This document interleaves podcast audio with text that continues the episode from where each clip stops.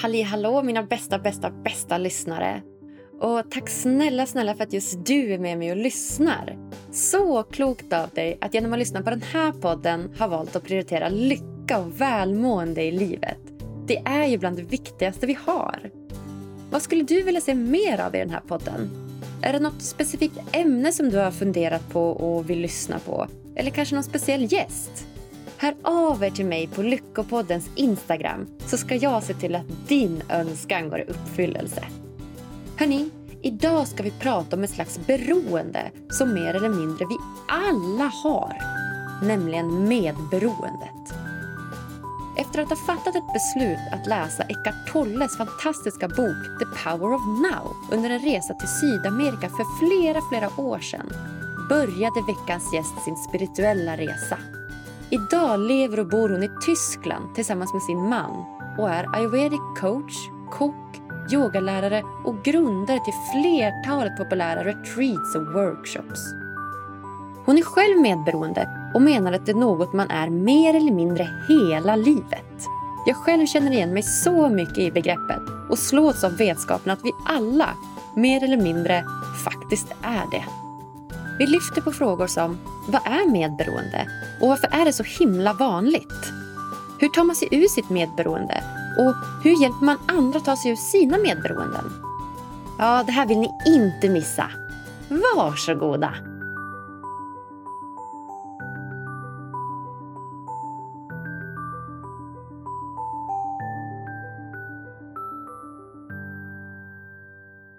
Då säger jag varmt välkommen till Lyckopodden, Lisa Åkesson Striker! Tack så mycket Agnes.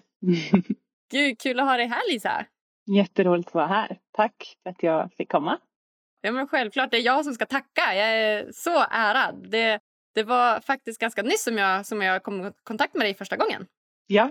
Mm. Har du hört om, om Lyckopodden förut? Ja, det har jag. Eh, jag har lyssnat på något avsnitt sådär. Jag har lyssnat in lite grann. Mm. Ja, men kul. kul. Då, då visste du vad det var för podd innan du gästade i vart fall. Ja, ja men det gjorde jag. Det är klart. Vad roligt. Vad, vad var din första tanke då när, när du fick ett mejl av Lyckopodden? Du bara ja eller nej eller vad, vad var din första liksom, tanke? Nej men jag tycker det är väldigt roligt. Alltså podd är ett väldigt roligt medium. Jag, jag gillar att prata med människor.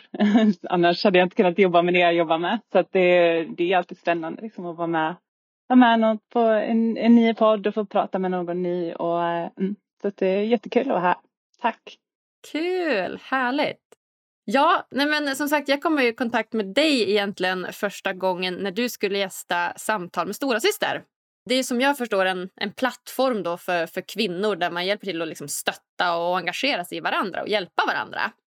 Eh, Jag har aldrig deltagit i det än, men jag gillar liksom såna cirklar, liksom kvinnocirklar där man känner sig liksom välkommen och, och delaktig. Och, och Du skulle då prata om ett ämne som ligger mig väldigt varmt om hjärtat, då som vi även ska prata om idag. Då, och Det är ju nämligen medberoende. Mm. Hur kom du i kontakt med det första gången? Det var också i en typ av cirkel faktiskt. De pratade om det som en grupp där man jobbar med sina relationer. Så det var, inte gruppterapi skulle jag inte kalla det, men liksom en typ av stödgrupp kan man säga. Där man utbytte livshistorier och delade med sig om vad som hade hänt under veckan och sådär. Så det var liksom en regelbunden grej. Och eh, ja, så började jag började vara med där för jag tänkte ja, mina relationer de, de kan alltid förbättras. det, det är någonting som är pågående liksom. Där blir man ju inte färdig. Eh, relationer med sig själv och relationer med andra också. Mm, verkligen. Var det någon slags eh, privat tillställninggrupp som det var då eller var det någon liksom mer offentlig eller vad var det för, för grupp? Det var en öppen grupp. Det var i Hawaii faktiskt. Eh, jag bodde där ett tag. Så, eh, mm. Så i Hawaii där har de koll på medberoenden? ja, det finns ju många olika typer av grupper liksom över hela världen. Ja, men spännande, spännande. Ja, alltså det här är ju som sagt ett ganska nytt begrepp för mig och det lägger mig ganska varmt om hjärtat för jag har precis liksom fått, fått nys om vad det faktiskt egentligen betyder. Och, och Jag skulle vilja säga att det är liksom en, en problematik som många har utan att veta om det. Kan du hålla med om det? Ja, absolut det är ett väldigt stort begrepp och det är, det är svårt att sätta fingret på vad det faktiskt är när man liksom börjar läsa på om det. För att det kan ta sig väldigt många olika uttryck. Olika relationer kan det uttrycka sig olika. Man kanske har en typ av medberoende på jobbet, en typ av medberoende hemma i familjen, en med sina vänner eller en, en viss vän. Sådär. Så att det kan, vara, det kan vara svårt att förstå vad det faktiskt är och hur det påverkar en själv. Det kan också vara liksom att man har två olika spektrum av symptom eller liksom uttryck av det. Till exempel att man har lätt att bli kontrollerad av andra, liksom att ge upp sin kraft till andra. Liksom göra vad andra vill istället för att känna in vad man själv vill och stå på sig där. Och sen kan det också vara att man liksom åt andra hållet börjar kontrollera människor. Det är liksom ett sätt att känna sig trygg. Det handlar om olika tekniker som vi har lärt oss från vår barndom eller genom arbetslivet i olika relationer som egentligen har varit mekanismer för att skydda oss och för att ta hand om oss själva. Det ter sig väldigt olika eh, i uttryck liksom för olika personer och också i olika relationer som sagt. Så det kan vara lite svårt att förstå vad det faktiskt är och ah, vad, vad man ska göra åt det. Ja men visst, ja, men det är som du säger, det är ett ganska luddigt begrepp och det är liksom inte så lätt att lista ut bara av ordet heller, så här, medberoende. Bara, är jag beroende av någonting? Eller är jag med någon som är beroende av någonting? Eller så. så jag tänker att vi ska grotta in lite, lite djupare på det. Men först vill jag bara höra, är, är du medberoende? Ja, men det tror jag att jag är eh, i vissa relationer. Eh, men jag är väldigt medveten om det. Jag märker snabbt när det händer. Och det som tidigare har varit impulser som jag bara agerat på helt automatiskt kan jag nu se som impulser. Men jag har, jag har inte kontroll över det skulle jag inte säga, men jag har medvetenhet. Jag kan se när det händer och jag vet vad jag behöver göra för att stanna upp och liksom ta mig ur det. Det är väl någonting som ligger där och gror liksom, som jag, som jag är medveten om och som jag jobbar med och som jag tar hand om. Och jag märker snabbt om jag inte tar hand om mig själv, om jag inte mediterar, om jag inte sover bra, om jag inte äter bra. Då kryper de beteendena in för att jag inte är riktigt lika medveten och kvar i liksom den self-caren som jag behöver för att kunna ta hand om mig själv i mina relationer. Mm. Ja, gud jag känner igen mig där. Jag känner också det. Du vet, när jag fick höra de här olika liksom, karaktärsdragen eller defekter, man ska kalla det, som, som medberoende faktiskt innebär så bara oj, och det här är jag, och, och det här är jag, och det här är jag. Du vet, jag bara, och det här är min pojkvän, och det här är min pojkvän, och det här är min pojkvän. Du vet, så så att, mm. ja, nej men det gäller ju som du säger, men jag tror att, och jag tror att många har det. Men jag tror att som du säger, jag tror att ett sätt att verkligen kunna kontrollera det här då, eller kanske inte uttrycka det eller vet, ha de här defekterna lika mycket, det är ju att vara medveten om det. Och sen kunna jobba med det på, på olika sätt. Mm. Men då för lyssnarna som precis som jag för ett tag sedan inte hade någon aning om vad ett medberoende är. Berätta, vad, vad är liksom medberoendets mönster och, och karaktärsdrag? Det finns ju, om ni går in på eh, samtal med stora syster eh, så finns det en Instagram-post där som listar allihopa. Men det är ju, som jag sa, det är liksom karaktärsdrag kan man säga. Någon slags eh, copingmekanism. Ett sätt att ta hand om sig i relationer och det kan vara någonting som är inlärt. Eh, det kan också vara någonting som man, man ah, du tittar på samtal med stora syster? Ja, jag tänker att jag kan gå in på, på sidan och så kan jag läsa upp då medberoendets mönster och karaktärsdrag. Ja, de står där allihopa. Det första, nu bläddrar jag här lite grann för nu, nu bläddrar jag ner till ett, till ett inlägg här där de skrev om medberoendets mönster och karaktärsdrag. Mm. Och eh, där står att det finns dels förnekelsemönster, mönster av låg självkänsla, kontrollmönster, undvikande mönster, eftergivenhetsmönster. Så det finns ju ganska många olika. Ja, ja. Och det finns massa liksom, subkategorier där också. Och, så det, det tar sig väldigt olika uttryck. Från början så var nog medberoende mer känt som en relation som man har till någon som är beroende. Alltså att man är medberoende. Från början, liksom när det här, alltså det startade med AA, eh, Anonyma Alkoholister i USA. Och där var det då ofta att eh, det var ofta kvinnor som var medberoende till män som var alkoholister för att kvinnor inte drack liksom, på samma sätt som män gjorde. De var hemma och skötte om hushållet och sådär. Och ja, så så var det ju liksom som man definierade medberoende från början. Men som jag förstår det nu så är det så mycket bredare än det. Det kan ju vara allting från att man är, eh, söker sig till eh, en, en jobbsituation där man hela tiden blir underminerad, där man inte tas på allvar. Det kan vara ja, liksom just de här låg, mönster av låg självkänsla då till exempel, att man hamnar i relationer där man inte blir värderad och där man behandlas illa. Det kan vara att man försöker kontrollera sin partner då, till exempel om ens partner har ett alkoholberoende, att man då liksom försöker att få kontroll över det. Och det är liksom, alla de här mönstren, det de har gemensamt är att man på något sätt överger sig själv och sätter fokus utanför sig själv. Så det blir liksom att man då fokuserar på partners alkoholberoende eller drogberoende eller sexberoende eller vad det nu kan vara. Och ja, i mer subtila former då att det kan bara vara en partner att man liksom det behöver inte vara en partner som är beroende men att det är en partner som är väldigt viljestark, som vet vad de vill och är duktiga på att uttrycka det. Och att personen då kanske ger efter väldigt mycket då det här eftergivenhetsmönstret. Att man då liksom eh, ja, överger sig själv och vad man själv behöver för någon annan. Mm. Så det, det innebär att överge sig själv? Det är min upplevelse när jag har, när det har uttryckt sig för mig.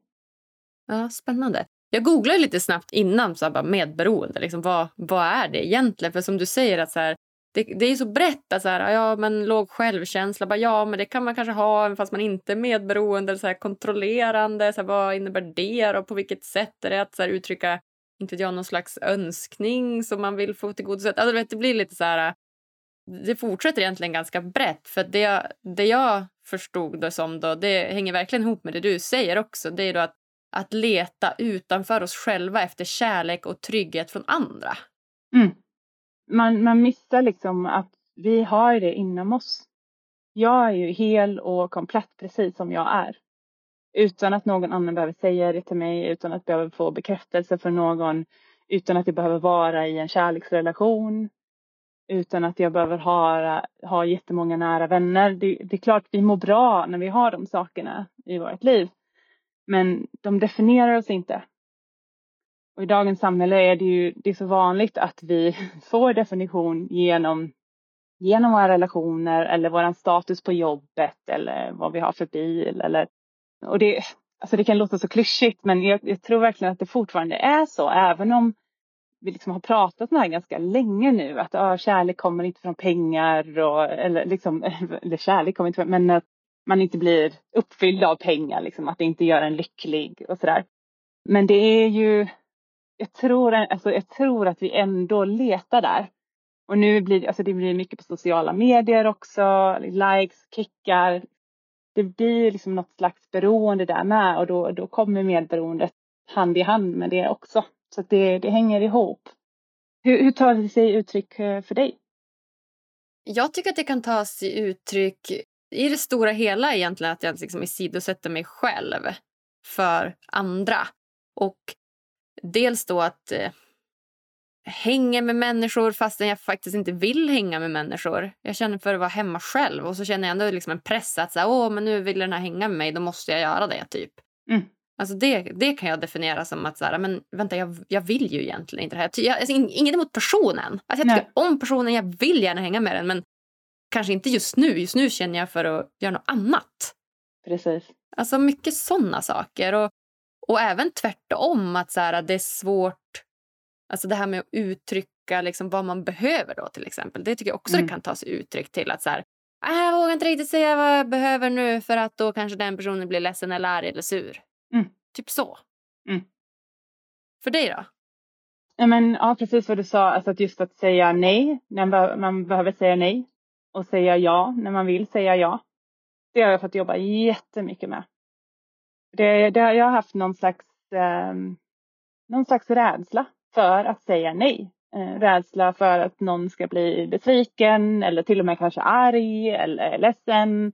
Liksom någon slags så inneboende önskan om att göra alla andra nöjda och glada och hela tiden finnas där för dem. Se till att alla andra mår bra och så glömmer jag mig själv.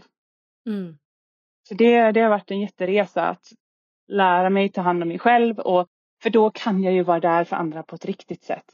Då, då är jag ju verkligen, verkligen närvarande när jag har fått tanka kraft och gör det jag behöver. Exakt. Och man känner ju det också om någon är där fast de inte riktigt vill. Det, ja. mm, det blir inte äkta, det blir inte på riktigt. Nej, det blir inte genuint liksom. Nej. Nej. Ja, men verkligen. Och jag håller helt med. Jag tycker det där är så himla svårt för att säga att man liksom letar efter kärlek och trygghet från andra. Samtidigt så här, vi människor vi är ju i behov av närhet och kärlek och trygghet och vi är ju flockdjur så att på något sätt så är det naturligt att söka den här bekräftelsen från andra också. Har du några bra tips där? Liksom, när vet man att det här liksom bekräftelsesökandet har gått för långt och att man söker någon slags orimlig bekräftelse? Är det när det faktiskt är så här, någon, en bekräftelse som är okej okay, Det är nog väldigt individuellt liksom hur, det, hur det är för varje person. Men jag tänker att det är någonting man kan prata om om det är i en relation till exempel. Att man känner att man behöver få en viss typ av bekräftelse från sin, från sin partner eller från en vän. Att man kan prata om det liksom, och vara riktigt, riktigt ärlig och faktiskt våga säga när du inte ringer mig på väg hem från jobbet, då känner jag så här. Och att liksom inte direkt gå i attack eller liksom, det är ju någon slags rädsla ändå som, som tar över. Och att man liksom försöker kontrollera och försöker liksom fixa så att den andra gör så att man själv ska må bra. Att man att då, om man kan prata tydligt om det och säga det här skulle jag vilja ha. Hur kan vi lösa det? Är du villig att ge mig det här? Och liksom förklara, det här får mig att känna så här. Mm. Och, sen, och sen att faktiskt ta sig ordentligt med tid att vara själv. Gå en promenad i tystnad, lämna telefonen hemma. Eller cykla eller om man åker tunnelbana eller liksom, när, liksom reser speciellt. Det, det är jätteviktigt för mig att inte hela tiden fylla mig själv med ny information. För då får jag inte riktigt tid att känna in vad det är jag behöver. Och då kan jag inte heller uttrycka det till andra. Och då kan jag inte få den hälsosamma bekräftelsen. Och då, då blandar man ihop det. Då ber jag om saker från andra personer som jag behöver ge mig själv. För ingen annan kan ge mig den djupa bekräftelsen. För mig är det, det är en väldigt andlig kontakt. Liksom. Så det, för mig är det genom meditation, yoga, promenader, liksom, vara i naturen. Så här, då kommer jag i kontakt med det. Mm. Då kan jag liksom känna in vad jag behöver och uttrycka det. Och sen, sen är det en träningssak också, liksom just det här att uttrycka sina behov och att våga vara ärlig jag kan minnas jätte, jättetydligt första gången, eh, eller ja, en av de första gångerna jag skulle liksom, jag hade sagt att jag skulle köra min man någonstans. Han hade parkerat en bil någon annanstans och så hade jag sagt, nej men jag, jag kör i dig så att du kan hämta din bil och sådär. Jag hade jättemycket att göra, jag var jättetrött, jag behövde egentligen hem och äta någonting, jag, jag var inte tillgänglig. Men jag hade ändå sagt ja och så satt vi i bilen och så tittade han på mig och sa, du, är du, kan du verkligen göra det här? Funkar det här för dig nu? Och så kände jag efter så här, nej, nej, det här, jag kan inte. Och det, det var så läskigt att bara säga det.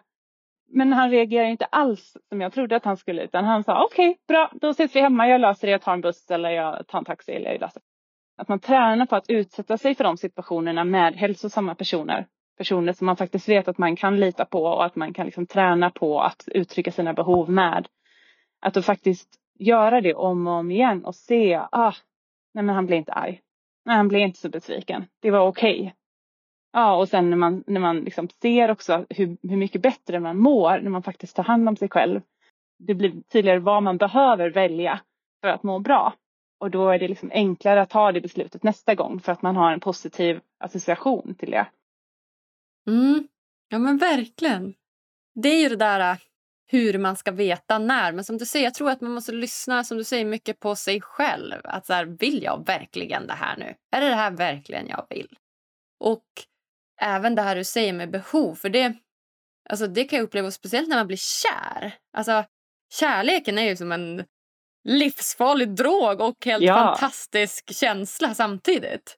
Men det är det. Det är en riktig high vi kan inte riktigt lita på vår magkänsla längre då eller nej. Exakt. Det är ju det som faktiskt händer och då, vet, då vill man ju liksom bara vara med den här personen och man vill bara finnas där för den här personen och du vet man kan ju knappt så äta, sova, man skiter ju allt bara för att vara med den här, med den här personen. Mm. Och det jag känner där är ju också att då blir det lätt den här liksom, att, man, att man suddas ut. Jag brukar tänka som, som cirklar. Alltså, olika relationer, olika cirklar. Att så här, I den innersta cirkeln där är det jag och jag. Alltså att jag tänker att det är som två jag. Jag och lilla jag, alltså lilla Agnes eller jag och någon annan. Så att jag liksom försöker se det som en relation. För är det bara jag, då är det som då vill jag lätt så här, relatera till någon annan. Men är det jag och jag, då vet jag att så här, då kan jag fråga mig själv vad behöver jag just nu och så svarar jag på det. Sen jag som har gjort en sån tankebild så att det blir enkelt för mig. Och sen i liksom cirkeln utanför det, då är det liksom mina närmsta relationer. Så i det här fallet då min pojkvän. Och sen i nästa cirkel så är det liksom familj och lalalala, du vet, vänner och så kollegor. Och så går det i en sån härlig cirkel. Och ett sätt för mig då att förstå det här med medberoendet det var att här, när jag är medberoende då suddas den här cirklarnas ramar ut mellan de här personerna. Så att då istället för att finnas där jag och jag så finns jag där för jag och då min pojkvän till exempel. Och att det är mm. som att jag bara liksom lever upp till hans behov, till hans behov, det han vill, det han vill, det han vill. Eller till liksom min, eh, ja, min vän eller till, till vem som helst. Att man som hoppar över lite grann den här jag och jag-relationen. Mm. Och det tycker jag beskriver det så himla bra i olika liksom, scenarierna. Så här, man behöver som hålla sig till den innersta cirkeln och faktiskt ta hand om relationen med sig själv. Mm. Jättebra bild. Verkligen. Och ofta så säger vi så här, ah, nej, men jag är så känslig inför vad andra känner och vi pratar om högkänslighet och så där, att man känner av andra känslor och det är också ett av karaktärsdragen. På engelska är det en hypervigilant to others eh, feelings. Att man liksom känner, känner av andras känslor och man känner detsamma. Så att man liksom smittas av den andra känslor, liksom, precis som du säger, att liksom de här ramarna suddas ut så man blir, man blir som en person. Men egentligen, vi kan ju faktiskt inte känna vad någon annan känner. Jag vet inte vad du känner. Jag kan fråga dig, jag kan titta på dig, jag kan liksom försöka få en bild av det och gissa. Men jag vet ju faktiskt aldrig vad någon annan känner. Det är deras upplevelse. Ja, så är det ju där går vi vilse ofta tror jag. För då, så då tror man att ah, nej, men den känner nog så och så gör man antaganden och sen så agerar man på sina antaganden som inte alls stämmer. Och så kan det bli jätte, jättefel. Verkligen. Gud, jag tänkte jag ska läsa upp några till av de här äh, olika mönstren som man kunde ha så att lyssnarna får veta.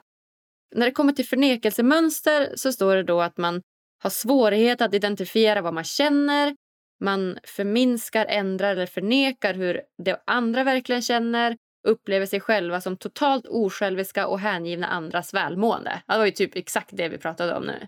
Mm.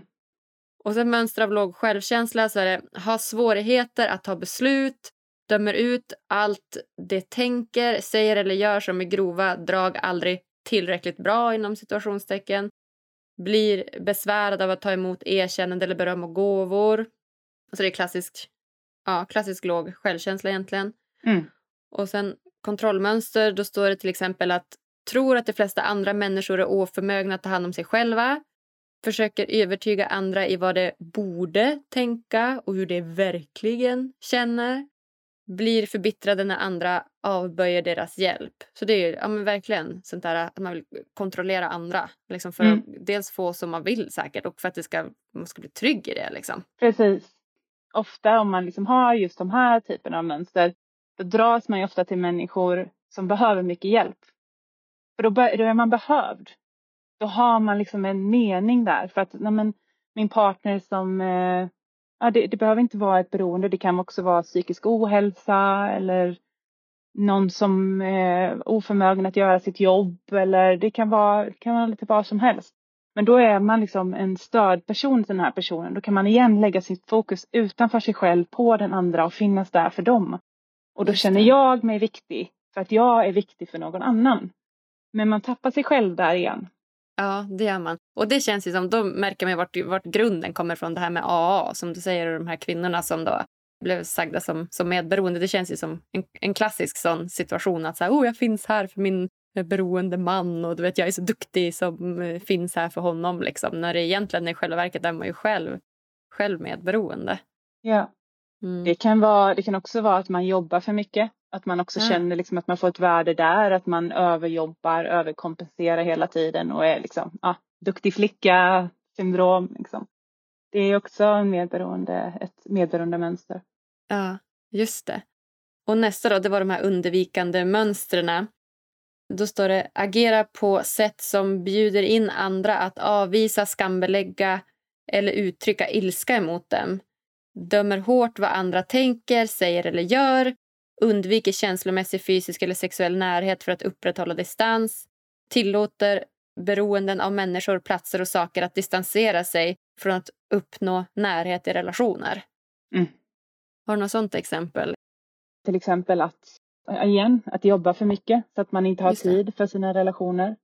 Eller eh, nätdating, liksom. hela tiden mm. här, ja, men det finns någon bättre runt hörnet och så att hela tiden swipa och hela tiden liksom undvika att gå djupt i en relation och faktiskt stanna kvar och jobba igenom det som är tufft. Utan att istället lämna liksom när det börjar bli seriöst eller när man börjar känna att åh, det här kanske är en person som jag vill släppa in men man vågar inte. För man vågar inte visa sig själv. Man kanske inte litar på att man duger som man är. Mm, verkligen. Och då är vi igen inne på att söka bekräftelse från, från andra. Precis. Och det kanske kan, kan efterliknas lite mer de här undvikande mönstren i anknytningsteorin, tänker jag. Ja. Att man inte vågar gå in i en relation utan man är van att få närhet och kärlek liksom från, att, från att vara undvikande och då är det som det man har lärt sig så fortsätter man det Precis. idag. Mm. Ja, man pratar ju också om eh, beroende till människor, platser och saker. Så det kan lika gärna vara att man byter arbetsplats hela tiden. Så fort man börjar bli ah. duktig på sitt jobb och få bekräftelse där eller liksom ja, tas på allvar och kanske ska bli promotad, nej men då byter man jobb för man vågar liksom inte skriva in i sin fulla, fulla kraft. Man kanske flyttar väldigt mycket för att man tänker nej men det blir nog bättre om jag flyttar någon annanstans. Så det är liksom det här tänket att om jag bara löser allting på utsidan då kommer jag må bra på insidan. Men jag följer ju med överallt. så ja, det, jag gör ju det. det, är, det är liksom, personen är ju den gemensamma nämnaren. Så att det, jobbar man inte på insidan då blir det väldigt sällan bra för utsidan. Men det, det, är bättre att jobba inifrån och det, det gör vi i yogan också i ayurvedan. Man jobbar liksom inifrån, tar hand om kroppen inifrån, tar hand om sinnet. Och sen att det reflekteras i hur man mår fysiskt och på utsidan och i sitt liv. Just det. Ja men så himla bra. Och den sista som de tar upp här då som ett karaktärsdrag det är då eftergivenhetsmönster. Mm. Och då, då kanske vi är inne på det här med att sudda ut cirklarna då. Det här mm. med att man ger efter, att äventyra sina egna värderingar och integritet för att undvika avvisande eller andras ilska. Är väldigt känsliga inför hur andra känner sig och känner detsamma.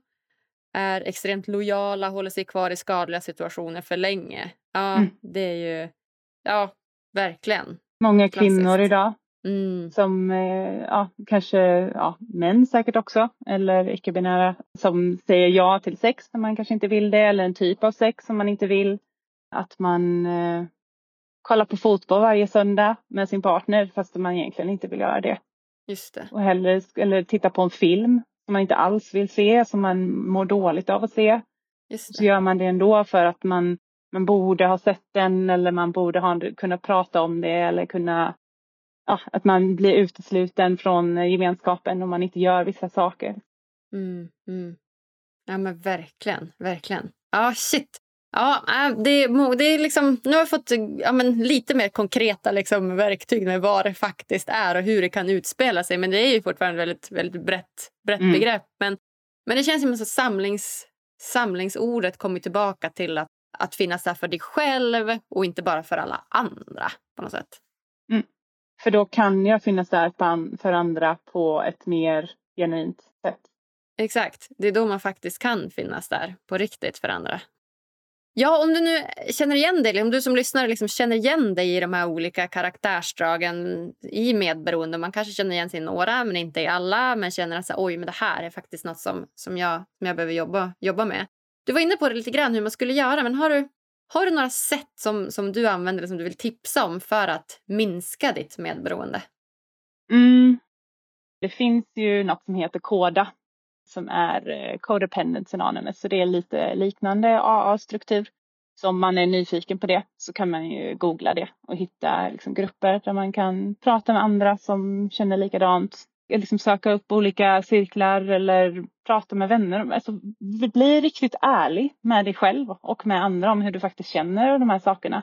Det är säkert någon annan som tänker likadant eller känner likadant men som kanske inte har vågat prata om det. Så att eh, våga titta på det. Du får jättegärna skriva till mig också så kan jag eh, dela med mig mer. Ja, men vad fint. Ja, jag såg de tipsade också om det här just Koda-programmet och även på, på Stora Systers eh, Instagram. Och som jag har förstått det så det här AA det är ju ett tolvstegsprogram som uppkom då för alkoholister och deras beroende. Men att det här nu faktiskt finns för olika typer av beroenden. Medberoende, sexberoende, vad det nu än kan vara. Och, och att det är ett, ett andligt program som är i princip kostnadsfritt som jag fattar. Som, som man kan gå både digitalt och på plats om det finns i din stad va? Mm, precis, det stämmer. Ja, men så bra.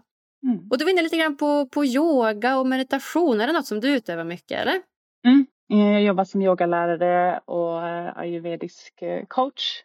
Jag, ja, jag jobbar jättemycket med det här och det, det är väldigt spännande för att ofta börjar man med ja, jag är inte flexibel eller jag behöver träna eller jag behöver gå ner i vikt och sen så landar man ofta i att det handlar om liksom, mer djupliggande mönster, beteendemönster eller självbild. Så det landar ju ofta i de här karaktärs karaktärsdragen också. Liksom. Så att jag jobbar med människan som hel och ja, på många olika sätt och liksom med, med coaching, mycket online men också jag har ett litet kontor här i Hamburg så jag jobbar på svenska, engelska och tyska. Coolt. Så det, det, det är väldigt fint att kombinera faktiskt. Yoga, ayurveda och att jobba med självhjälpsarbete eller vad man ska säga. Mm. Mm, jag förstår det.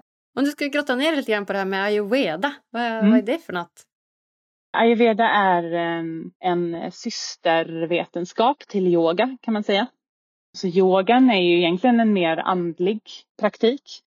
Där det handlar om att ja, komma i balans mellan kropp, sinne och själ. Kan man säga.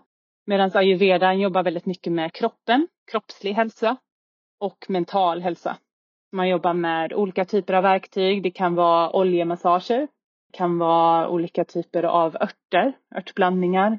Det kan också vara samtal och coaching som jag gör. Och sen olika typer av eh, beteendeförändringar. Livsstilsförändringar, kostförändringar, eh, sömnförändringar. Så det, det är liksom ett, eh, ett helhetstänk som tar hela människan i i aktning och där man jobbar med många olika delar. Liksom. Så det ser väldigt individuellt ut när man kommer i en session och pratar och, och jobbar igenom det. Vad man behöver. Jag ger matlagningsklasser också. Det är jättekul. Mm. Mm. Över Zoom. Så det är ayurvedisk matlagning är liksom en väldigt stor del av det också. Jaha. Gud vad spännande. Mm. Kul. Har du många som är medberoende som går hos dig? Det händer. Ja, det är ju, jag tror att vi alla har de här mönstren till större eller mindre grad.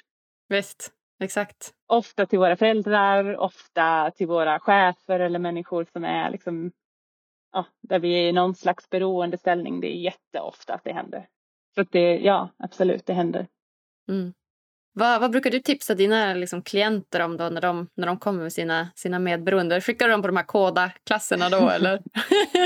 Nej men det, det är väldigt olika. Det är beroende på vad man är redo att göra. Det, det kan ibland vara övningar.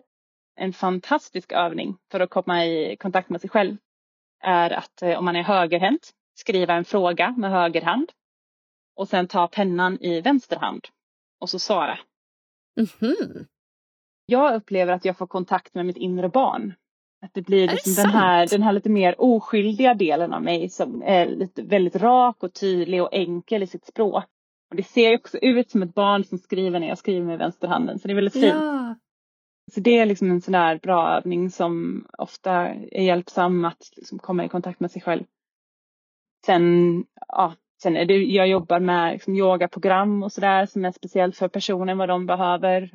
Om det är en person som eh, behöver lära sig att komma mer in i sin kraft. Då kan det vara ett mer kraftfullt yogaprogram. Om det är någon som behöver lära sig att varva ner, att liksom gå inåt, då kanske det är yoga nidra som är sömnyoga kan man säga, en väldigt djup avslappningsyoga.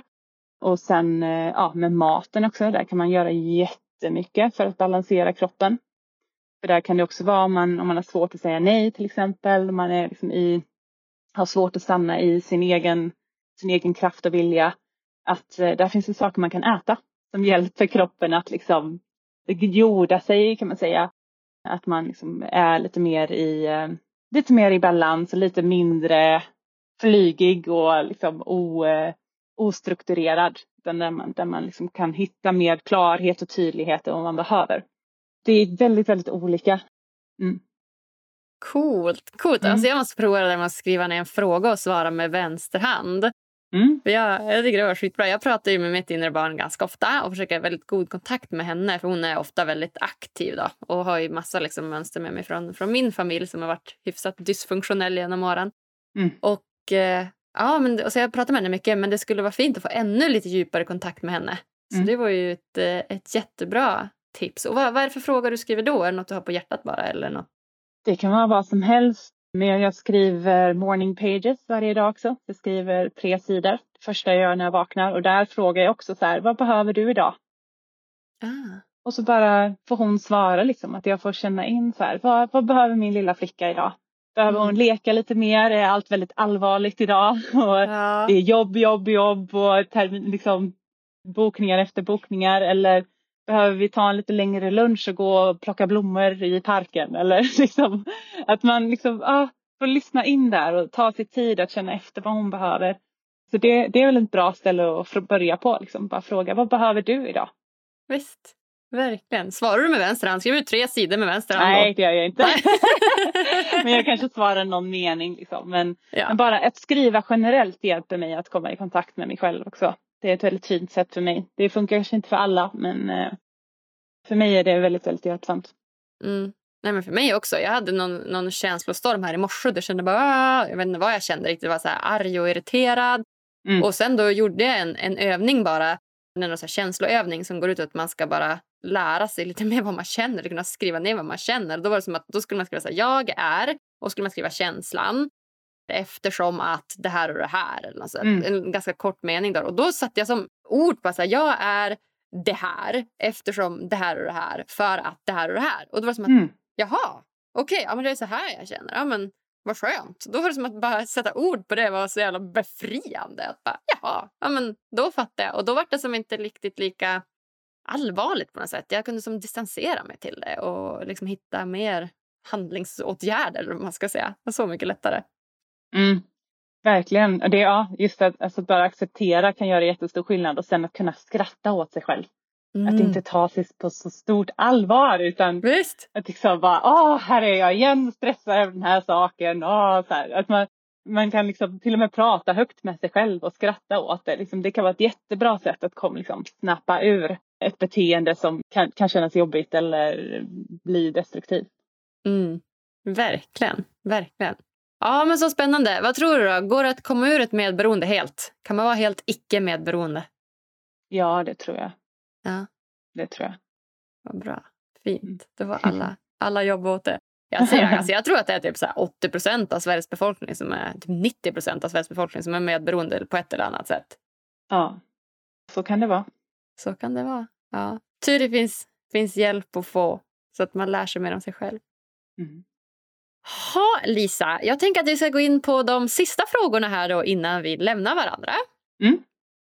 Och eh, det första är då, vad gör dig lycklig? Åh, att gosa med våran hund här på kontoret. Mina pauser.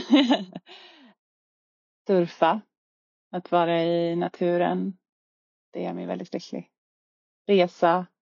Och också bara bara att vara hemma med min man eller träffa min familj. Bara vara med nära och kära. Gärna ute. Ja, gärna ute. Eller hur? Det är något med naturen. Den har ju en riktigt läkande kraft. Alltså. Verkligen. Kanske sitta i förråd med cyklar och podda med Agnes. ja, ja. jag känner mig ganska lycklig nu faktiskt. ja, det är inte helt dumt, eller hur? Vilket är ditt bästa lyckotips? Lyckotips. Men det är väl kanske att, kanske att varje dag, om det finns någonting som man verkligen, verkligen tycker om att göra. Sjunga, jag älskar att sjunga också faktiskt. Att faktiskt göra det varje dag. Det behöver inte vara så länge. Men om det är att ja, ringa sin bästa kompis eller eh, om det är att eh, lyssna på en rolig podcast med stand-up comedy eller vad det nu är som man gillar att faktiskt göra det varje dag en liten stund. Att det behöver liksom inte vara så stort och dramatiskt utan att det man liksom hittar ett sätt att connecta till det varje dag, en liten stund. Mm. Ja, men avsätta lite tid för det också, att faktiskt prioritera det man tycker är kul. Mm. Ja, nej, är det något så slutligen som du vill dela med dig av till lyssnarna som du inte har fått säga än? Jag tror inte det. Vi har fått med väldigt mycket. Som sagt, det är ett väldigt stort ämne. Eh, vi har ju bara skrapat för ytan, men eh, väldigt eh, roligt att prata om. Och det är ja, jätte, jättevälkomna att höra av sig om de vill prata mer eller om de tror att coaching eller de är nyfikna på ayurveda eller yoga sådär. De jättegärna höra av sig. Ja men verkligen. Ja, jag känner mig superny med energi och kunskap och supersprudlande. Så att, ja, jag säger bara tack, tack, tack snälla Lisa för att du kommer gästa mig här på Lyckopodden. Tack Agnes.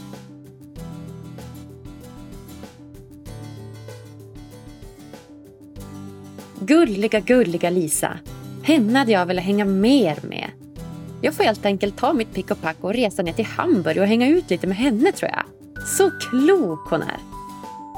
Och hörni, tycker ni det här var lika bra som jag? Då hade jag blivit så glad om ni ville gå in på iTunes eller Podcaster och klicka i prenumerera-knappen. Följ oss också på sociala medier. Där heter vi Lyckopodden. Så hörs vi på tisdag igen. Puss och kram!